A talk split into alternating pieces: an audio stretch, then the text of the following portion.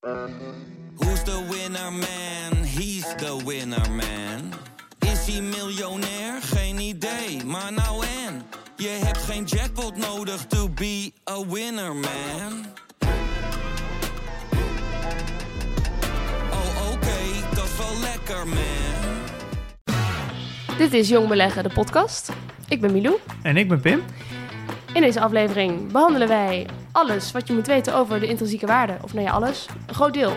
Een groot deel daarvan, ja. Ja, ja. En, en dus ook value investing. Ja, Warren Buffett komt er even langs. Die is wel even, even niet langs geweest. Nee, precies. Daar, daar kijk ik erg naar uit persoonlijk. Dan hebben we het over Prinsjesdag. Wiebesfonds, de 20 miljard. Ja, vergeet Bobke niet, hè? Die Oh ja, heeft er oh ook ja. aan meegeschreven. Ja, oh ja. ja, en natuurlijk de Schuldenberg. Ja, inderdaad. Is dat straks een probleem voor eh, onze generatie of niet? Nou ja, ik ben benieuwd wat jij daarvan vindt. En eh, dan nog heel goed nieuws. De portfolio dividend tracker gaat bijna live. Ja, we hebben de community opgezet en dan gaat bijna live. Ja, dus eh, binnenkort kunnen de eerste mensen er al in, hè? Heel binnenkort dan. Ja, spannend. We gaan beginnen.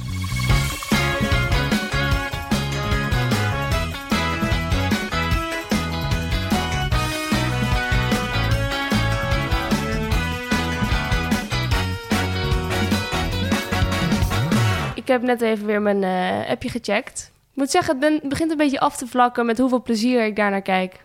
Oké, dat is goed. Het gaat vrij horizontaal eigenlijk. We staan een heel klein beetje in de plus. Het gaat wel een beetje omhoog. Je 2% omhoog dus, Ja, eh, ik sta op 8 euro winst. Oh, kijk. Ja, maar nee, maar dat is helemaal goed. Maar je gaat niet de komende 30 jaar elke dag kijken. Wat is jouw moment? Nou, ik, ik kijk meestal al een beetje in de loop van de ochtend.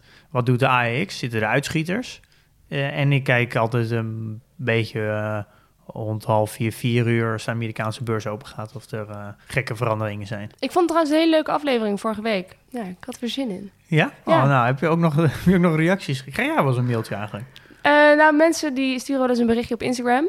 Oh ja. ja. Ehm, ze stellen me ook wel eens vragen over turbo's bijvoorbeeld. Zo kreeg ik een berichtje van Martijn over een turbo. Dat is misschien wel leuk, want ik zei wel dat ik erop terug zou komen. Maar ik weet dus niet hoe ik erop terug moet komen. Mag ik het heel van je vragen? Ja hoor, kom maar op. Hij zegt, eh, ja, ik blijf toch super nieuwsgierig naar turbo beleggen. Maar ik weet hoe jullie daarover denken. Nou, kijk, dit zijn dus van die dingen. Ik wil er op zich wel een aflevering over maken, maar ik ben er niet heel erg onderlegd in. En een ander ding is, ik wil het namelijk ook niet promoten.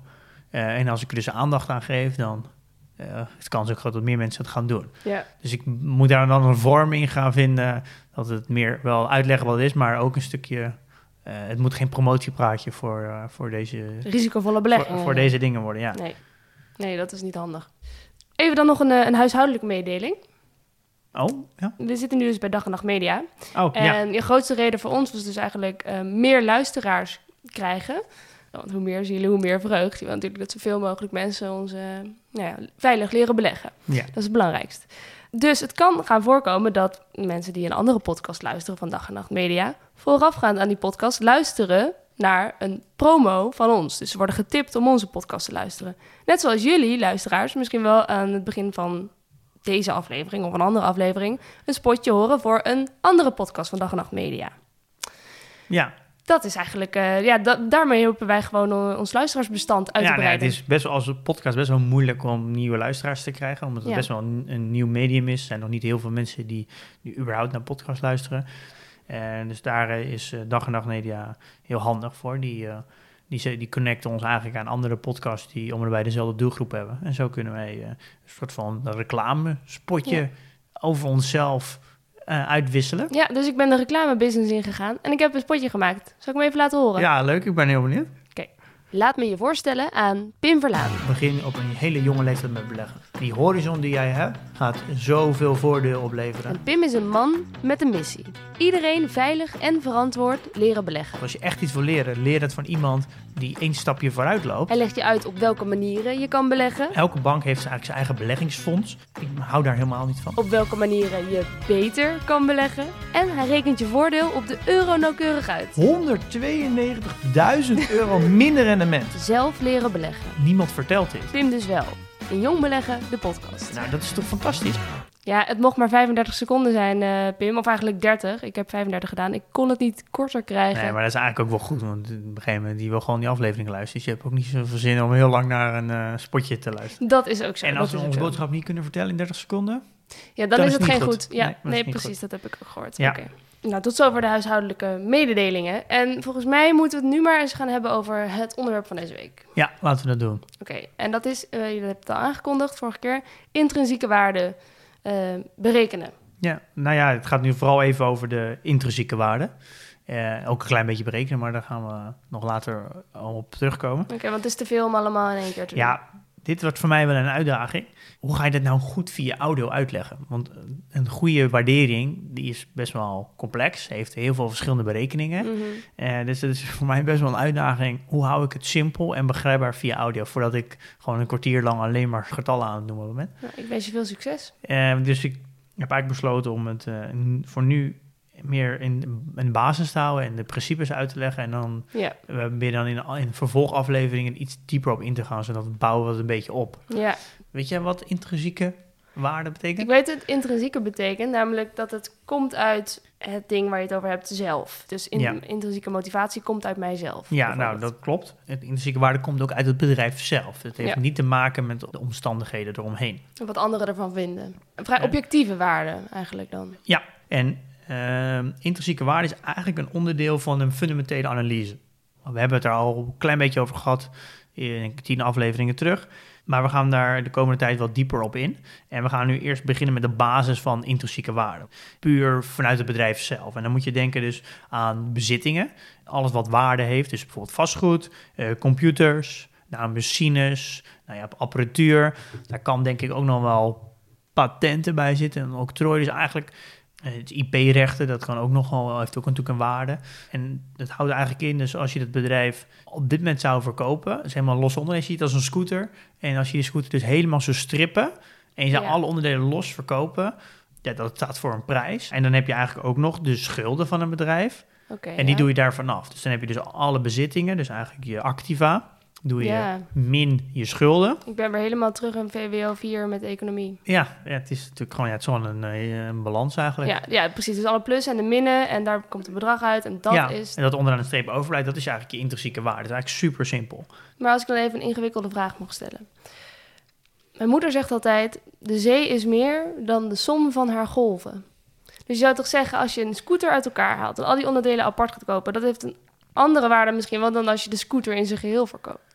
Ja, maar dat is dus nou, eh nou komt dus eigenlijk het, het mooie, waarom eh, dit zo interessant kan zijn. Het komt best wel voor dat een bedrijf dus verhandeld wordt onder de intrinsieke waarde. Mhm. Neem bijvoorbeeld Unibail Rodamco Westfield, dus het is een vastgoedbedrijf eh, op de Nederlandse beurs. Ehm, het heeft heel veel vastgoed, dus het heeft een hele hoge activa. Het heeft natuurlijk ook schulden, eh, want het, het vastgoed is waarschijnlijk ook een gedeelte gefinancierd. Mhm. Nou, doe je die schulden eraf, dan heb je eigenlijk de intrinsieke waarde. Dus als je Unibail Rodamco Westfield zou kopen, dus eigenlijk gewoon van de beurs zou halen, dus ik koop bijvoorbeeld alle aandelen op, dan volgens mij is dat nu zo dat de waarde van alle panden, eh, minder schulden, eigenlijk hoger is dan wat je nu betaalt voor het bedrijf op de beurs.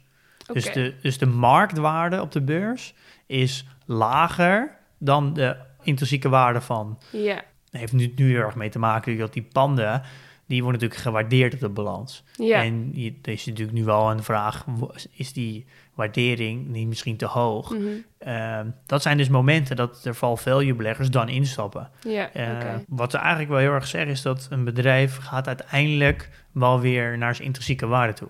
Dat is eigenlijk de, de, de kracht eigenlijk van value belegging. Dat Ja, want er is een strategie die hierop gebaseerd ja, is. je hebt namelijk een, we hebben het natuurlijk over dividend investing, dividend growth investing, en gewoon growth investing, dus ge- gewoon groeibedrijven. Maar je hebt dus ook value investing. Ja. En dat is eigenlijk weer een andere, een soort van andere strategie. En daar is die, Warren Buffett. Ja, ik dacht wel. Eh, hij is eigenlijk wel de bekendste value investor.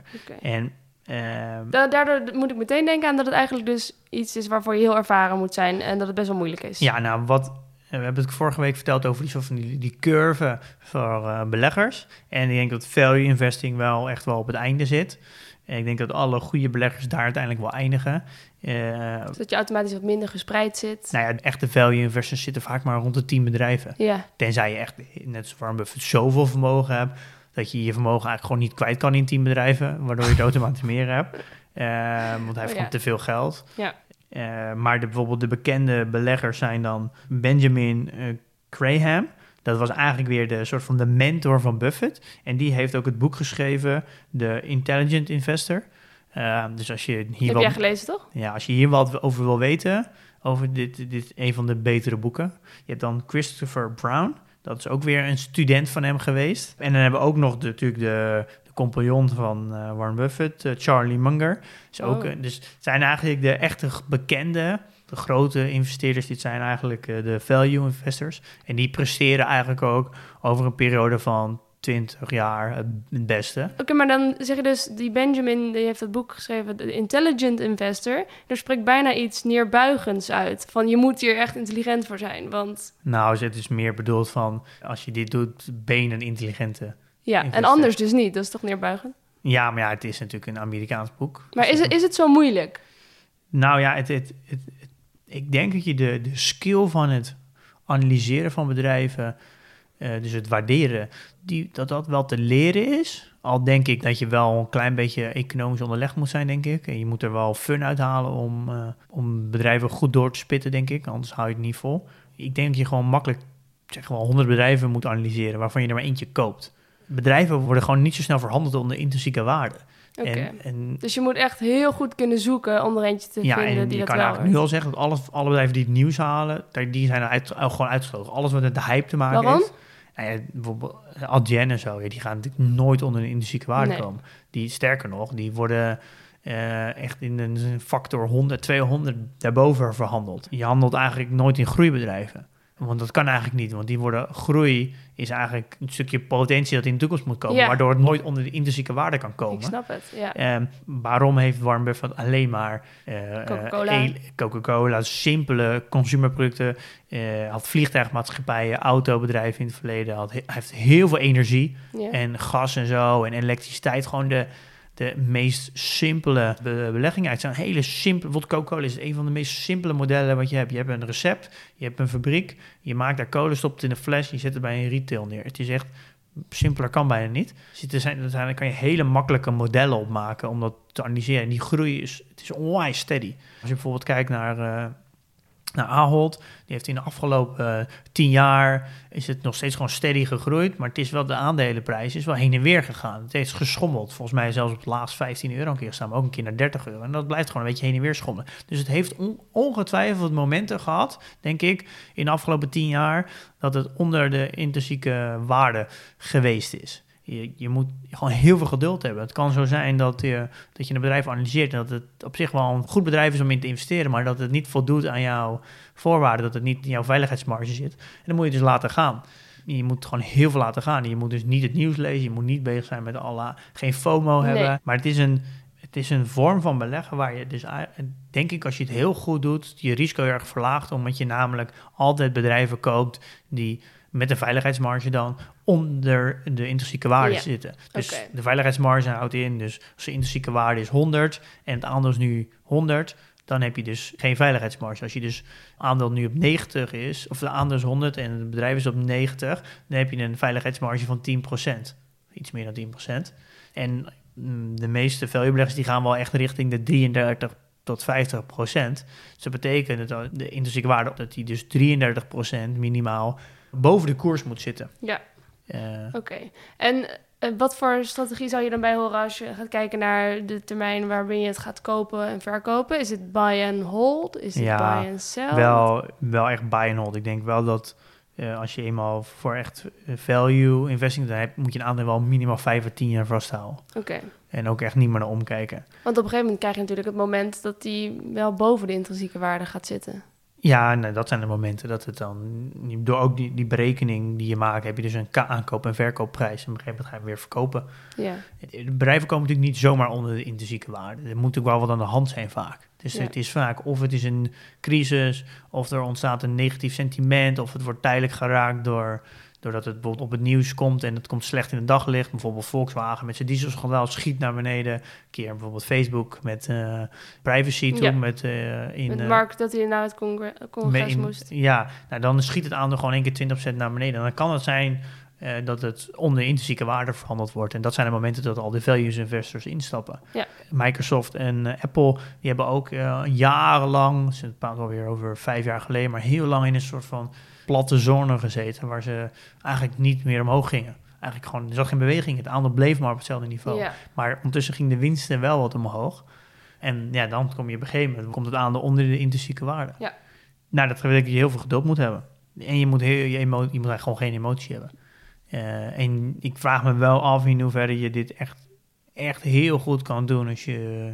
Als je een beginner bent. Ja, beginnen is gewoon onmogelijk, maar vraag ook wel als je dit altijd ernaast doet naast je werk, Ja. dat het best wel eh, pittig is. Maar aan de andere kant, als je eenmaal heel op gang bent en je hebt eenmaal een paar aandelen, dan is het natuurlijk, ja, je kan prima gewoon één aandeel, eh, als je een aandeel toch vijf of tien jaar vasthoudt, kan je prima één of twee aandelen kopen per jaar. Nou, dat moet op zich wel lukken. Ja, Want hoe doe je dat dan eh, bijvoorbeeld? Ehm, Zo'n intrinsieke waarde uit te rekenen? Nou, het is, ik heb Bijvoorbeeld? het even voor. Het is eigenlijk super simpel. En vaak bij al die tools eh, of websites zoals Yahoo Finance en zo. En die, die berekenen dat al gelijk voor je uit, omdat het een vrij simpele berekening is. Maar de formule is eigenlijk de totale activa min alle schulden. Mhm. Delen door eh, totaal uitgegeven aandelen. En dan heb je eigenlijk de intrinsieke waarde per aandeel. Heb je een voorbeeld? Ja, ik heb eh, als voorbeeld even eh Ahold gepakt. En dan de cijfers van 2019. Want 2020 is natuurlijk nog niet compleet. Ehm, de totale activa, dus de bezittingen, eh, is 41.490 miljoen. Zo. Ja. Dus de totale schulden, eh, dat is 27.408 miljoen. Dus dat bestaat uit de langlopende schulden Mhm. en de kortlopende schulden.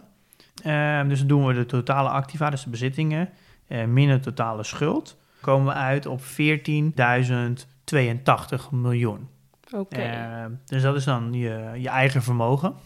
En dan hebben we eigenlijk, als we dan de, de intrinsieke waarde per aandeel willen uitrekenen. Eigen vermogen, maar dan bedoel je dus de intrinsieke waarde?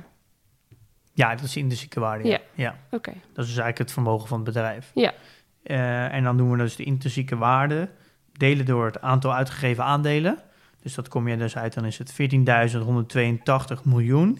Delen door het aantal aandelen. En het openstaande aan- aandelen in eind 2019 was 1,1 miljard. En dan nog wat erachter. Eh, maar dan wordt het een heel lang getal. En dan kom je uit op 12,79 euro Per aandeel. per aandeel. Dus dan hebben we het nu wel het, net de hele tijd over de intrinsieke waarde van een bedrijf. Maar nu gaan we dus kijken naar de intrinsieke waarde per aandeel. Ja, per aandeel. Dus dan heb je eigenlijk nog steeds de intrinsieke waarde van het bedrijf, maar deel je Ja. door het eh, op uitstaande aandelen. Ja, Dan heb je dus de intrinsieke waarde per aandeel. per aandeel. Nou, het aandeel staat nu op 26 euro, maar het stond in 2019 eh, op 22,30. Ehm, dus dat betekent eigenlijk dat je betaalde zo'n bijna het dubbele van de intrinsieke waarde voor Ja. eh, Ahold. Eh, maar dit is natuurlijk eigenlijk een vrij nutteloze berekening. Waarom? Eh, nou, omdat je namelijk... Ja, dit, dit is vrij nutteloos, omdat als je het bedrijf zou kopen... en je zou het dan helemaal strippen en losse onderdelen verkopen... zou je dit overhouden. Ja. Maar zo werkt natuurlijk een bedrijf niet, want een ja, scooter wel. Want een scooter die genereert geen nieuwe waarde. Die heeft geen groeiperspectief. Kijk, in een bedrijf, die biedt natuurlijk groeiperspectief. Dus als je het bedrijf koopt, creëer je ook eh, toekomstige groei. Ja. Dus eigenlijk is dit natuurlijk eigenlijk een ja, vrij nutteloos getal. Ja, voor een goede beoordeling moet je de fundamentele waarde weten. Daar moet je dus ook de toekomstverwachting meenemen. Oké. Eh, dus eigenlijk deze waarde plus de toekomstverwachting bepaalt eigenlijk wat de fair value is. Dus wat je nu zegt, zeg je eigenlijk... Je hebt helemaal niks aan de intrinsieke waarde per aandeel om dat te weten. Nou ja, nee, in principe niet. Het is gewoon niet voldoende. Bijvoorbeeld vastgoed. Ja, daar zit je natuurlijk. Daar zou, dit, daar zou deze berekening iets makkelijker zijn. Want ja, vastgoed is gewoon hoger gewaardeerd. Dus dan kan je veel meer kijken. Dan zou dit een simpele berekening al in grote lijnen al kloppen. Maar voor types bedrijven als Ahold heeft natuurlijk niet extreem veel bezittingen. En daar moet je dus eigenlijk wel de groeiverwachting meenemen. Ja. Eh, en daar wil ik eigenlijk in de volgende aflevering even over gaan hebben. Want eh, daar gaan we dus de winst per aandeel eh, meenemen in de berekening, dus de EPS. We gaan de verwachte groeipercentage, je minimale rendement wat je wil hebben. Dan hebben we ook nog eens je veiligheidsmarge. En dan gaan we de koers-winstverhouding meenemen. Dat stoppen we allemaal in een berekening. En dat doen we over een periode van 10 jaar. Eh, en dan komt er eigenlijk uit voor welke prijs je hem op dat moment zou moeten kopen. Dus dan heb je de, dan komt eigenlijk de fair value prijs voor jou dan, want dat ligt aan welke bijvoorbeeld veiligheidsmarge je zelf meeneemt. En dan wordt er dus een, eh, een eh, aankoopprijs en een verkoopprijs ook uitgedefinieerd. Je weet wel dat dit een podcast is, hè? Ja, dus dit is, dit is dus de, de grote uitdaging. Ja. Eh, en ik wil er nog wel, nog wel bij zeggen, is dat moet je nog steeds verder kijken. Want het is eigenlijk nog steeds belangrijk, en dat begint het uiteindelijk mee. Heeft het bedrijf bijvoorbeeld, waar we al eerder over spraken, een goedkoop en duurzaam concurrentievoordeel? Is het nog steeds een goed management dat er zit? Ja, dus je kunt, oké, dus eh, al met al, je kunt de intrinsieke waarde niet loszien van de rest van de hele fundamentele analyse. Nee, want aan de- zich zegt het gewoon heel weinig. Nee, maar het, eigenlijk je moet het een beetje zo zien. Eh, wat dat, dat is eigenlijk het principe van value beleggen. Je beoordeelt een bedrijf gewoon eerst volledig. Dan voldoet het aan je voorwaarden. Dan heb je dus een, een uiteindelijk eindig je een soort van met een watchlist. Met deze bedrijven voldoen allemaal aan mijn voorwaarden. En dan ga je kijken, wanneer vind ik het bedrijf eh, de ideale prijs? Dat je gebruikt je, deze berekening om te bepalen wanneer ga je het bedrijf kopen. Je gebruikt deze berekening om een aankoop- en verkoopmoment te bepalen. Ik snap het. Je kan het vergelijken met een, met een tv. Je hebt voorwaarden voor een tv die je wil kopen. Het moet zo groot zijn, het moet zoveel pixels zijn, het moet de afstandsbediening spraak in zitten. Nou ja, je hebt gewoon je voorwaarden en daar voldoen een aantal tv's aan. Maar jouw budget is 500 euro. Ja. En al die tv's zijn duurder. Dus die tv's zet je allemaal op je watchlist. En je wacht gewoon net zo lang dat er ergens een aanbieding is Ja, omdat er, eh, de mediamarkt heeft dan één van die tv's in de aanbieding... en die gaan onder de 500 euro en dan koop je hem. Cool. Dus zo moet je het een beetje zien. ja, Ehm, en dan moet je dus wel je emoties in eh, bedwang houden. Ja. En dus als al je vrienden die tv kopen... dan moet jij nog steeds tegen jezelf zeggen... nee, ik- Ja. hou je aan je eigen regels. Ja. Zo eh, belangrijk. ja, en daar gaat eigenlijk... dat is eigenlijk het principe van value investing. Dus je gebruikt dit om, een, eh, om eigenlijk een aankoop- en verkoopmoment te bepalen. Ja, maar hoe belangrijk is dit voor jou? Hoe erg kijk jij hiernaar als jij een fundamentele analyse doet? Nou, ik ben, ik ben hier nu, nu langzaam een beetje aan het experimenteren, aan het oefenen. En eh, Want het inspireert je wel. ja, nou ja, dit is wel, ik vind het wel interessant. Ik wil het meer, meer leren, omdat ik daardoor beter, beter beleggen begrijp. Eh, en ik denk ook het risico verklein. Eh, maar ik merk wel dat het, het een, het moet, moet je ook wel een beetje liggen. Ik wil wel de principes begrijpen en ik wil Ja. het wel graag leren. Wat ik heel interessant vind in deze vorm van beleggen, is dat het ervoor zorgt dat het minder volatiel is. Het is, het is veel minder bewegelijk. Het is de, ja, bijvoorbeeld de aandelen zoals Adyen en Tesla, die gaan echt heen en weer. Die kunnen Ja. gewoon dagen 10 en 20, eh, Ja, dat is spectaculair. Ja. ja, en, maar dat is ook wel, moet je ook tegen kunnen. Ja. En ik denk dat het meer met value belegging, het is, het is veel, allemaal veel duurzamer, veel stabieler. Het beweegt bijna niet. Het gaat gewoon he- heel rustig omhoog. Ja. Ik denk dat dat misschien ook een, voor je gemoedstoestand ook wat fijner is. Als ik ouder word, dus we praten misschien over nou, de komende 10, 20 jaar, dat ik me comfortabeler ga voelen bij value investing. Ja. Want het is gewoon veel fijner om een scooter te kopen voor 500 euro. Als je weet dat de losse onderdelen voor 600 euro, 700 euro verhandeld gaan worden. Dus de kans is gewoon heel klein dat je daar verlies op maakt. Ja, oké, dus nu eh snap een beetje beter hoe dat value investing werkt. In ieder geval, ik snap het beter. Ik hoop de luisteraar ook. Gaan we de volgende keer op door. Nu gaan we het over spannende zaken hebben. Spannende zaken. Nou, vind ik wel. Ik vind dit het leukste gedeelte. Namelijk eh, de portfolio dividend tracker die je aan het bouwen bent. Vertel, hoe gaat het? We hebben alle vrienden van de show, dus de donateurs, uitgenodigd voor eh, de community. Eh, we hebben een plek opgezet waar we in gesprek gaan over het product. Nou, dat is heel leuk, echt tientallen eh, berichten. en ook gezellig. leuk dat ze onderling in gesprek gaan. Ja, Eh, en ook mensen die meedenken en eh, developers die ook al met ideeën komen van wat we kunnen doen. Dus dat is eigenlijk echt heel leuk. En maandag gaan we live. ja ik las het. Wat bedoel je eigenlijk met live gaan precies? nou, dan, dan gaan eigenlijk alle vrienden van de show, die gaan het product in. Dus die, dan kunnen ze ergens online eh, kijken van wat er al is, het welke features Ze het kunnen het zijn. Ze kunnen het al gebruiken. Wow. Maandag kunnen ze een account maken, kunnen ze inloggen. En Jeetje. kunnen ze hun portfolio inladen. En dan wordt gelijk alle visueel weergegeven hoe je sectorverdeling is. En Ja, hoe de verdeling is per aandeel. Dus als je een ETF van los aandelen hebt, dan zie, dan zie je ook hoe je spreiding is in je hele portefeuille tussen alle sectoren. En waar ik misschien nog wat meest trots op ben, dat, is, dat was wel een overwinning, dat we ook alle mid- en small caps erin hebben zitten. Het zijn te kleine bedrijven in Nederland die gewoon nooit worden gesupport. nee. Je hebt gewoon weinig data daarvan. Ja. En het is ons, ons gelukt om dus de data set compleet te krijgen van alle small caps ook. Dus ook Ajax bijvoorbeeld en Alphen zit er ook volledig in, met logootje. Dus dat is, eh, ja, dat is ook wel een mooie overwinning deze week. ja, wat is het allemaal snel gegaan, joh. Ja, er wordt ook heel hard aan gewerkt. Ah, wat goed. Eh, maar m- Ga ik zo door. ik ben dus heel benieuwd, dat maandag wordt iedereen toegelaten. Het is altijd een beetje Ja, spannend. vet spannend. Ja. We hebben weer deze week ook een, nieuwe, een hoop nieuwe mensen erbij gekregen. Ja. Die ook nu donateur zijn en dus nou ja, maandag daarin mogen. Zal ik ze nog even voorlezen? Ja, lees er maar even voor. Oké, daar gaan we. Stef, Sjoerd, Michael, Arjen, Mo, Farid, Jasper, Brian, Jan-Jaap, Niels, Jeffrey, Paul, Danielle, Jonathan, Abraham, Robin, Hub, Sander, Jantines, Erik, Richard, Matti, Vic, Sersino, Ben, Gerrit, Zelly, Jelle, Sarah, Joost, Stevie, Stevie, Koen, Erwin, Wieger, Maurice, Leontien, Wilfred, Michel, Veronique, Dennis, Sam, Nicolai, Peter, Chi. Zo. Wat Ja. een mooie namen bestaan er toch hè, op de wereld. Ja, een mooie mond vol, hè? Ja, leuk jongens. Leuk dat jullie meedoen. Welkom. Stel nou dat eh, er mensen dit horen en die denken van... ja, ik wil maandag ook dat live product eh, daarin meekijken.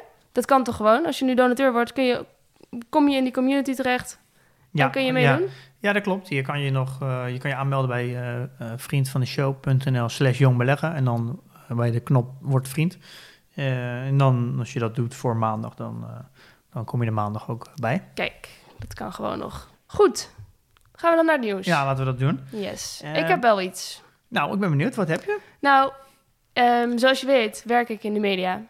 En dan kan het je natuurlijk niet zijn ontgaan eh, dat het Prinsjesdag was deze week. Credo is dus investeren, investeren, investeren. Bezuinigen, daar doen we niet aan. Zou je, ja, kan ik op zich, denk ik van, nou, lijkt me ook, nou, weet ik veel, daar heb ik geen verstand van. Ik ben geen economisch wonder. Ja, maar het is niet heel gek dat ze in deze tijd gaan investeren. Het, ja, de, je, het idee is dat wij eh, jarenlang je overheidsbegroting naar beneden brengen. Is om in goede tijden dat je dat doet. En dat je in slechte tijden dat weer omhoog kan brengen. Ja. We hebben nu gewoon steun nodig. Eh, we hebben een diepe crisis met corona. En dat we moeten juist blij zijn dat we nu kunnen investeren. Dat we ook de capaciteit hebben om te investeren. Ja, maar waarom hebben we die capaciteit? Omdat we heel veel gratis geld kunnen lenen. Nou, we hebben die capaciteit omdat we, denk ik, heel lang onze eh, staatsschuld naar beneden hebben gebracht. We hebben een van de laagste staatsschuld in de wereld. Maar nu gaat die weer toenemen. Ja, maar dat is toch juist de bedoeling, dat je in slechte tijden er juist gebruik van maakt. Ja, En je kan toch niet zo zijn dat, dat je dus gewoon een hele grote generatie of hele grote groepen mensen nu laat barsten omdat je graag zo min mogelijk schuld wil hebben. Ehm, dat Ja. betekent dus dat je een hele generatie laat vallen. Ik denk juist de bedoeling is voor deze diepe crisissen die je af en toe hebt, eh, dan dat juist benut. Eh, en dat je dan ook dus juist de terugbetaling heel erg uitspreidt over een hele lange periode. Dus dat Jij op was zich, best wel anti-schulden altijd. ja, maar, ik, ja, maar dit is, je moet wel in, in slechte tijden de boel in draaien houden. Ik, waar ik me wel mijn vraag bij heb, is die, die 20 miljard. En er zit namelijk, vind ik, een heel groot verschil tussen eh, geld lenen omdat het goedkoop is en we zien wel wat we ermee doen. Mhm. Wat bijna een beetje bizar voelt, vind ik. En we moeten gewoon investeren omdat het noodzakelijk is. Ja. Je, wij moeten gewoon die nauwregeling die we eerste ronde hebben gedaan, die was gewoon nodig. Als de we dat- NOW-regeling. ja, als we dat Ja. niet hadden gedaan, dan had, dan had gewoon bijna de helft van het land werkloos geweest, Ja. wijze van. Dus dat, dat moest gewoon. Ja. En dat is dus ook helemaal niet erg. Dat is toch juist de bedoeling dat we, Ja. eh, dat is toch juist waarom wij een sociaal vangnet hebben. Nee, maar goed. als wij dat niet hadden gedaan, had iedereen werkloos Ja. hadden we nog moeten betalen. Ja, nou goed, dus dat investeringsfonds van Wopke en Biebus. Ja, dat vind ik dus wel. En Dat, dat is in, in, in, in essentie natuurlijk, klopt daarvoor geen meter natuurlijk. Ja, dat je in principe zegt, ja, we kunnen nu goedkoop lenen, dus dan gaan we 20 miljard lenen.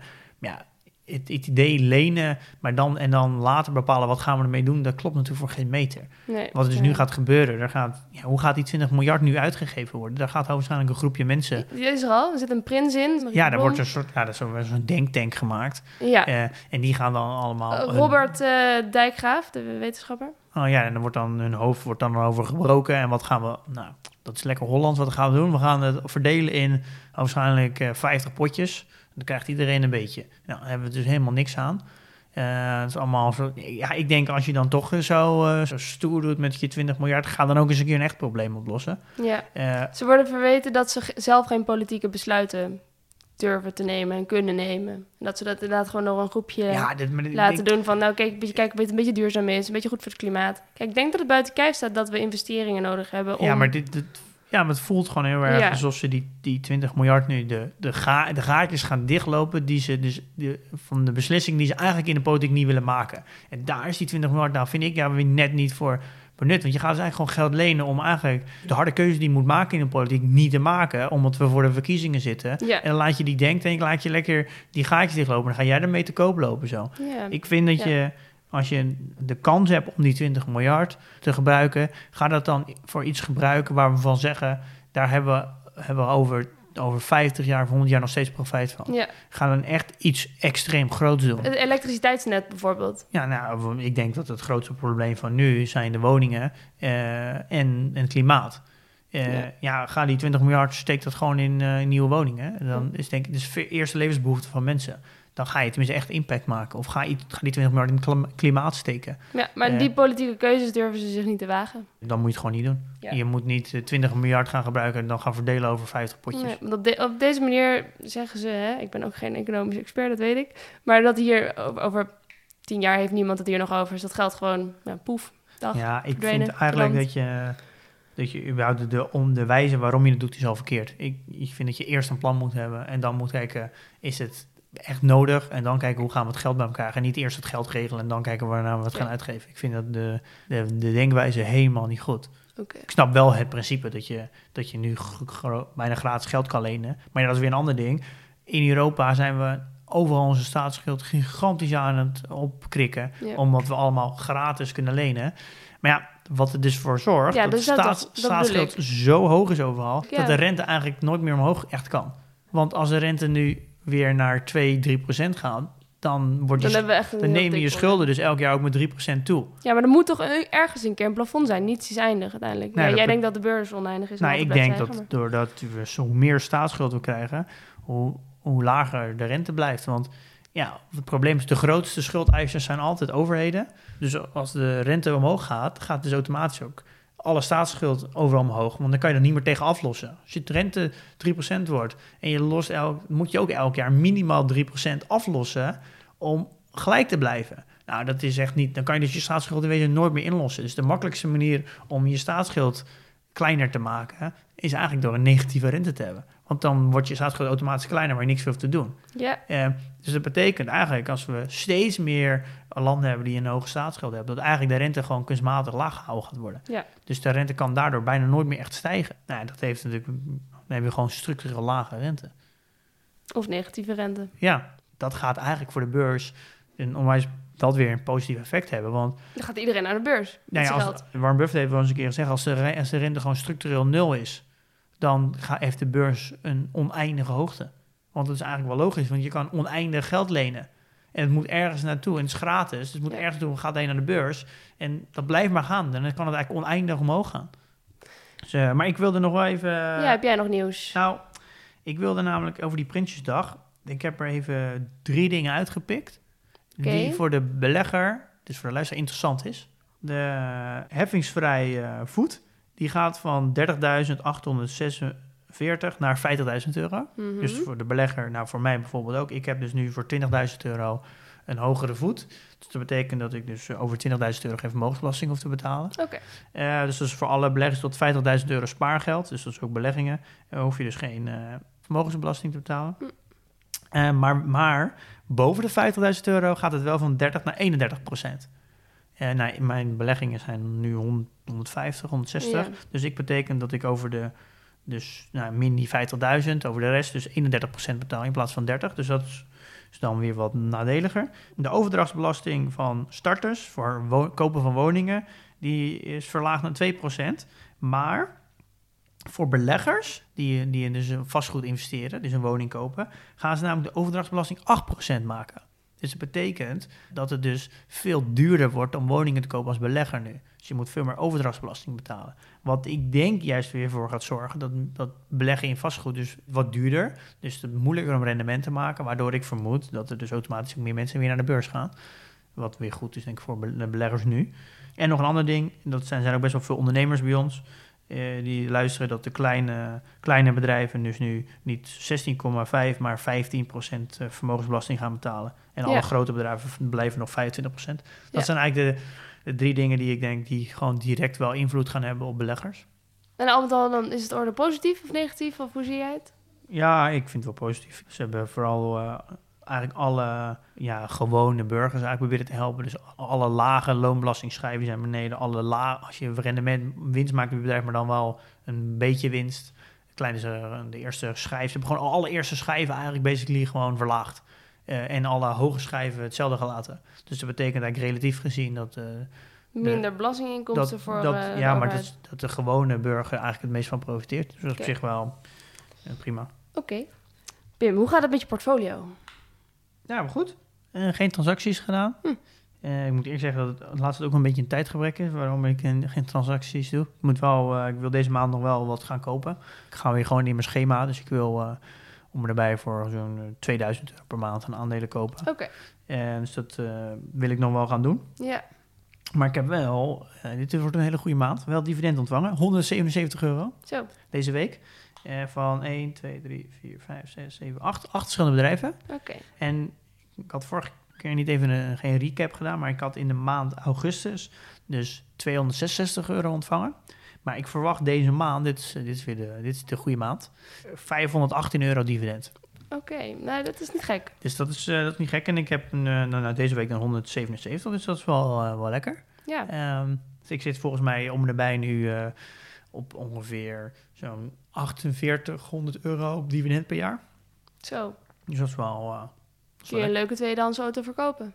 Nou. Als je het niet zou herinvesteren. Ja, maar er wordt helemaal hergeïnvesteerd, hè? Ja, ja, ja, Compounding. precies. Compounding. En compounding. mijn portfoliowaarde is 156.800. Want ik ben echt flink gezakt. Mijn winst was echt gehalveerd. Maar ik ben er weer gegroeid. Want volgens mij 100, mijn all-time high was volgens mij 15900 volgens mij. Ik ben nu al meer, maar 2300 euro eh, verwijderd van mijn all-time high. En ik ben Ja. toch, vorige keer mijn winst echt gehalveerd. Dus ik ben Ja. eigenlijk de afgelopen week weer echt weer flink opgekrabbeld. Oh, dat gaat goed inderdaad. Eh, dus dat ja, geef maar weer aan hoe, eh, hoe bewegelijk het nu is. Ja. Ja. Dus, en ik heb in die periode natuurlijk niet bijgelegd. Dus Ja. nee, het gaat hartstikke goed. Voor me zit ik nu op zo'n beetje 7% of zo rendement dit jaar. Ik voel me wel, daar wel comfortabel mee als, als eerste jaar belegger. Ja, lijkt me dat je daar best tevreden mee mag zijn, Dus, eh, meneer eh, Vandaan. Ja, dus dat voel ik me wel goed mee. Rechtssoliraat. Eh reviews. We hebben er weer twee uitgezocht. In de Apple Podcast app hebben we er eentje van Nicole gekregen, vijf sterren. Getiteld Kinderen, uitroepteken. Allereerst wil ik even zeggen dat ik enorm geniet van jullie ontdekkingsreis in de wereld van beleggen. Ik heb twee vragen. 1. Ik wil graag donateur worden. Zou dat toepasbaar zijn voor alle brokers of alleen bij de Giro? Nou, eh, voor nu is, werk ik alleen met de Giro. Maar dat komt omdat ik de Giro heb. En, ja, ik moet ergens mee beginnen. Eh, maar we ontwikkelen het product samen. Eh, dus dat gaat de komende weken ook zo zijn. Dat we hebben de eerste versie.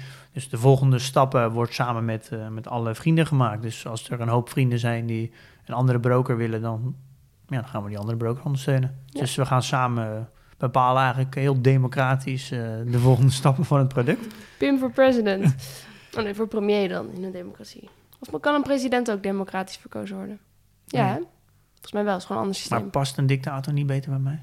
Dictator. Laten we het houden op dictator Pim. Heel goed. Vraag 2. Vanaf welke leeftijd mag je een beleggingsrekening openen voor je kind? Dank voor alle inspiratie en openheid. Goed, Nicole. Ja, dat mag direct. Eh, als het kind een eigen paspoort heeft, dan kan je een eh, rekening openen. Kijk aan. Dus als je hem ingeschreven hebt bij de burgerlijke stand, dan kan het. En jij krijgt een paspoort. En je krijgt een paspoort. Nou, Eh, dan kan je echt niet- jong beginnen. ja, niet alle brokers ondersteunen dat hoor. Maar ik ben natuurlijk ook voor mijn nichtje. ik heb dan niet op haar naam Ja. gedaan, maar dat, dat ga ik binnenkort wel doen. Maar dat kan gewoon. Piep Jong Beleggen, de podcast. Jong geleerd is uitgedaan. Ja, zo is het ook. Grappig dat je dat zegt, want de volgende eh, review die ik wilde behandelen is vier sterren van Loers. De titel daarvan is Jong geleerd, niet stom gedaan. Oh, grappig. Ja. Komt er lekker geordend uit. De verworven kennis en persoonlijke strategie. Erg aantrekkelijke interactie tussen man en vrouw. Hmm. Uitleggen kan vermoeiend zijn, maar beide doen flink hun best. En dat is zeer beluisterbaar. Dank voor de energie. Nou, graag gedaan. Ja, leuk. Met plezier, toch? Ja, zeker. Ja. Ja. Ehm, het is misschien leuk om even te zeggen. We hebben dus via ehm vriendvandeshow.nl slash jongbeleggen ook de mogelijkheid nu dat jullie een voice message, voice memo, is het niet gewoon een Nederlands woord voor, een stembericht Stembericht. kunnen eh, inspreken. En dat kunnen wij dan misschien wel gebruiken in een aflevering. Ja, dat vind ik eigenlijk wel heel leuk dat eh, de vrienden van de show dat aanbiedt, het platform. Dus vriendvandeshow.nl slash jongbeleggen. Daar zit volgens mij een knop met Ja. Ja, ik weet niet precies wat erbij staat, maar het is in ieder geval zo'n Ja, een microfoontje. microfoontje, icoontje. En dan kan je dus een, eh, een boodschap, eh, boodschap, kan je een bericht inspreken. Of een vraag. Of een vraag. Nou, het- we krijgen natuurlijk heel veel eh, reviews via, nou ja, eigenlijk alleen maar via Ja. tekst. Ook vragen via tekst, via de mail. Ja, dus dat moet ik allemaal voorlezen. Het is misschien ook wel leuk, dat gaan we gewoon een keer proberen. Ja. Om, eh, als je vragen hebt, kan je hem inspreken. En, Ja. dan, en dan gaan we hem in de aflevering laten horen. Kijken hoe dat bevalt. Liedje zingen mag ook. Ja, moet wel heel goed kunnen zingen hoor. Ja, ik zie Pim een beetje fronsen. Doe dat maar niet. Maar als je gewoon iets kwijt wil, ook als het geen vraag mag dat natuurlijk ook. Laat maar weten. We zien ze wel binnenkomen, hoop Ja. ik. Nou, Volgende keer, wat gaan we doen? nou, volgende keer gaan we het verder hebben over intrinsieke waarden, zoals jij al zei. En ik zeg expres niet volgende week. Eh, sorry. Volgende week ben ik er niet. Ik ben ik op vakantie. Ja, het is eigenlijk, kan echt niet hè. Nee, ja, ik We weet kan ook je nou op vakantie gaan? Ehm, Italië roept. Oh. Ik zal een Oh, flesje wijn voor je Oh, meenemen om het goed Oh, te lekker. maken. Ja, waar ga je in Italië? Onder Genua. Dus eh, tussen Genua en Portofino ligt Camogli. Daar ga ik naartoe. Nou kom ik heel dom over, waar ligt dat? Dat ligt aan de Middellandse Zee. Een beetje in Noord-Italië. Dus het is Oh, te Noord-Italië. rijden, ja. Dus dat is wel dicht bij Frankrijk ook. Ja, redelijk dicht bij Frankrijk. Dus misschien- ga je met de auto? Ja. Oh, we kunnen nog even langs Monaco rijden. Waarom zou ik langs Monaco rijden? Nou, dan kom je bijna langs toch? Ja, maar waarom zou ik er... Vind je dat leuk daar? Nou ja, ik- eh, nou, misschien goed. Uh, dat is wel weer wat anders. Boten kijken. Ik hou Ja. wel van boten kijken, dat is waar. Misschien moet ook een Ja, reispodcast volgens mij moeten we hem over ophouden, want die luisteren zo lang afgaan. ja, inderdaad. ja, dus volgende week geen aflevering. Nee, Eh, dus even een weekje niet. En dan de week daarna komen we weer terug. en dan doen we weer net zo erg ons best als dat we tot nu toe altijd al hebben gedaan. Nou, tot de volgende keer. Ja, ik eh, hou je wel aan een flesje wijn, dat je dat weet. Ja, dat is goed. Rood of wit? Eh rood, rood. Oké, rood. Doei!